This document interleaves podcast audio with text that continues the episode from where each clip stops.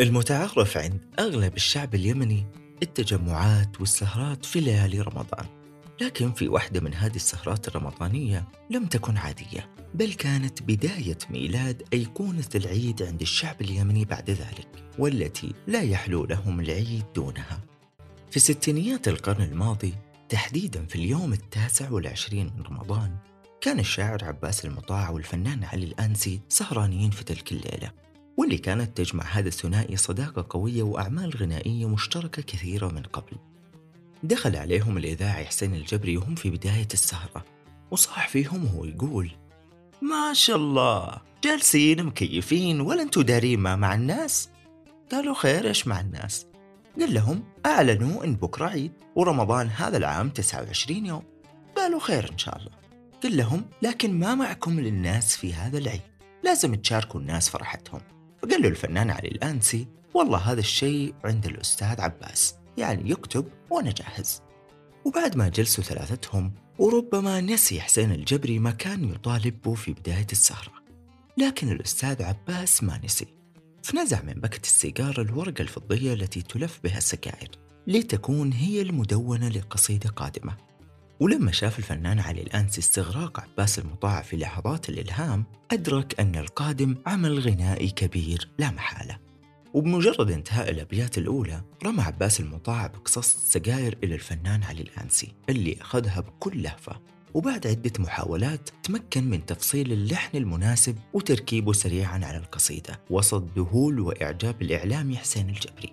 وفي صباح اليوم التالي كانت إذاعة تعز تبث مباشرة على الهواء من كلمات الشاعر عباس المطاع ولحن وغناء الفنان علي الآنسي أغنية أنا السنة يا عيد على الأيام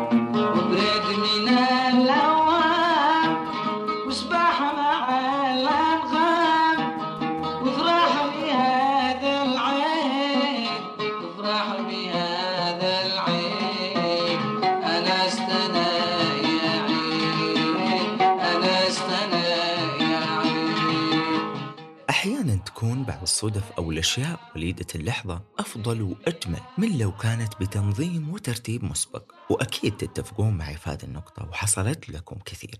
كذلك الأمر في بعض الأعمال الفنية واللي حققت بعضها نجاحات غير متوقعة كأنا السنة يا عيد فرغم مرور ما يقارب من نصف قرن على ميلاد هذه الأغنية إلا أنها لا تزال تحتفظ ببريقها وتحتل المركز الأول في صدارة أغاني العيد وتظل هي الأغنية الرسمية المفضلة لدى غالبية أبناء الشعب اليمني. وربما ما زاد هذه الأغنية رواجا وقبولا هي كلماتها اللي تدعوهم للفرح وترك الهموم ونسيان الأحزان وتحثهم على التسامح وزيارة الأهل والأصدقاء وترشدهم لتبني صفات وأفعال حميدة. بالإضافة إلى أن علي بن علي الآنسي علم فني يمني كبير وغناؤه لآنستنا يا عيد جعلها محط الاهتمام ومن أبرز أسباب الشيوع الشامل لهذه الأغنية.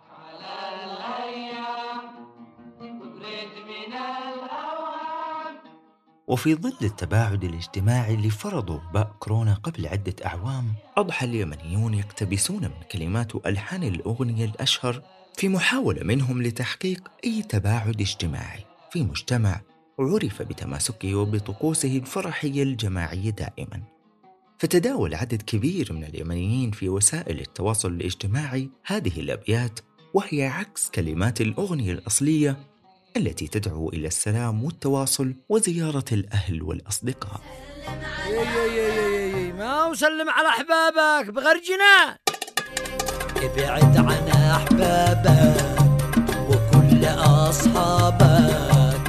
نستنا يا عين نستنا يا عين.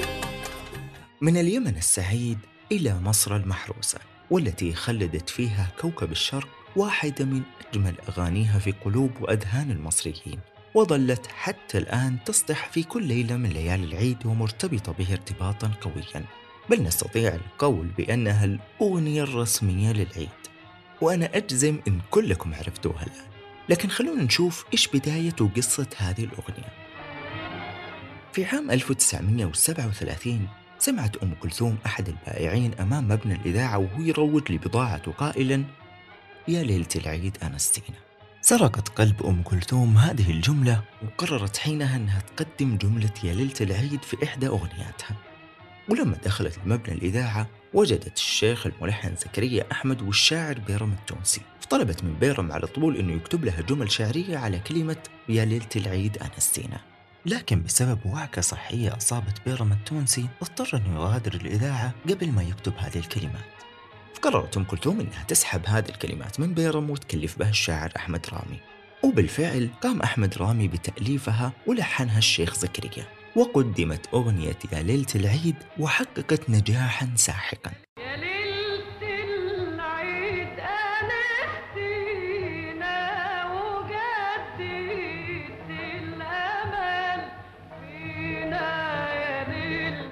بعد ذلك بعامين قدمت أم كلثوم فيلمها السينمائي دنانير. والمقطع الأخير في أول ما غنت هذه الأغنية في فيلم دنانير عام 39 مدحت فيه هارون الرشيد وجعفر البرمكي وقالت يا دجلة ميتك عنبر وزرعك في الإيطان نور. يعيش هارون يعيش جعفر ونحيي لكم ليالي العيد.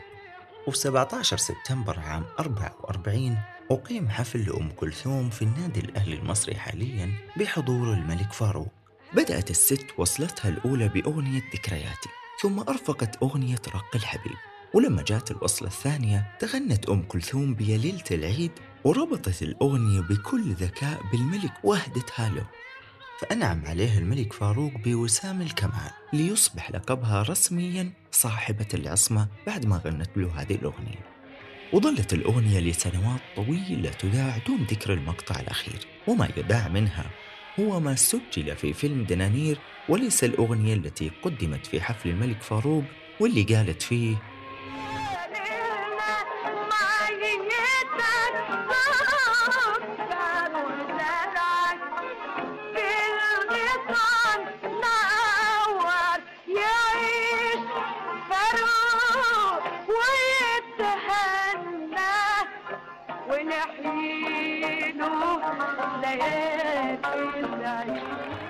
عسى الله يجعل أيامكم كلها أنس وفرح وسرور ألتقيكم في الحكاية القادمة وكل عام وأنتم بخير مين مطربك المفضل؟ أم كلثوم؟ وردة؟ طلال؟ محمد عبده؟ طب شاعرك المفضل؟ نزار؟ شوقي؟ السياب؟ بدر بن عبد المحسن طب تتبنى فكر مين من الأدباء؟ القصيبي؟ الرافعي؟ طه حسين؟ الوردي؟ ما أقدر أجاوب عنك لكن اللي أقدر أقوله إن نتاجهم الأدبي والفني ما جاء من فراغ ولا ضربة واحدة ورا كل عمل لهم في حكاية وأنا هنا طلال الحربي راح أحكي لكم هذه الحكاية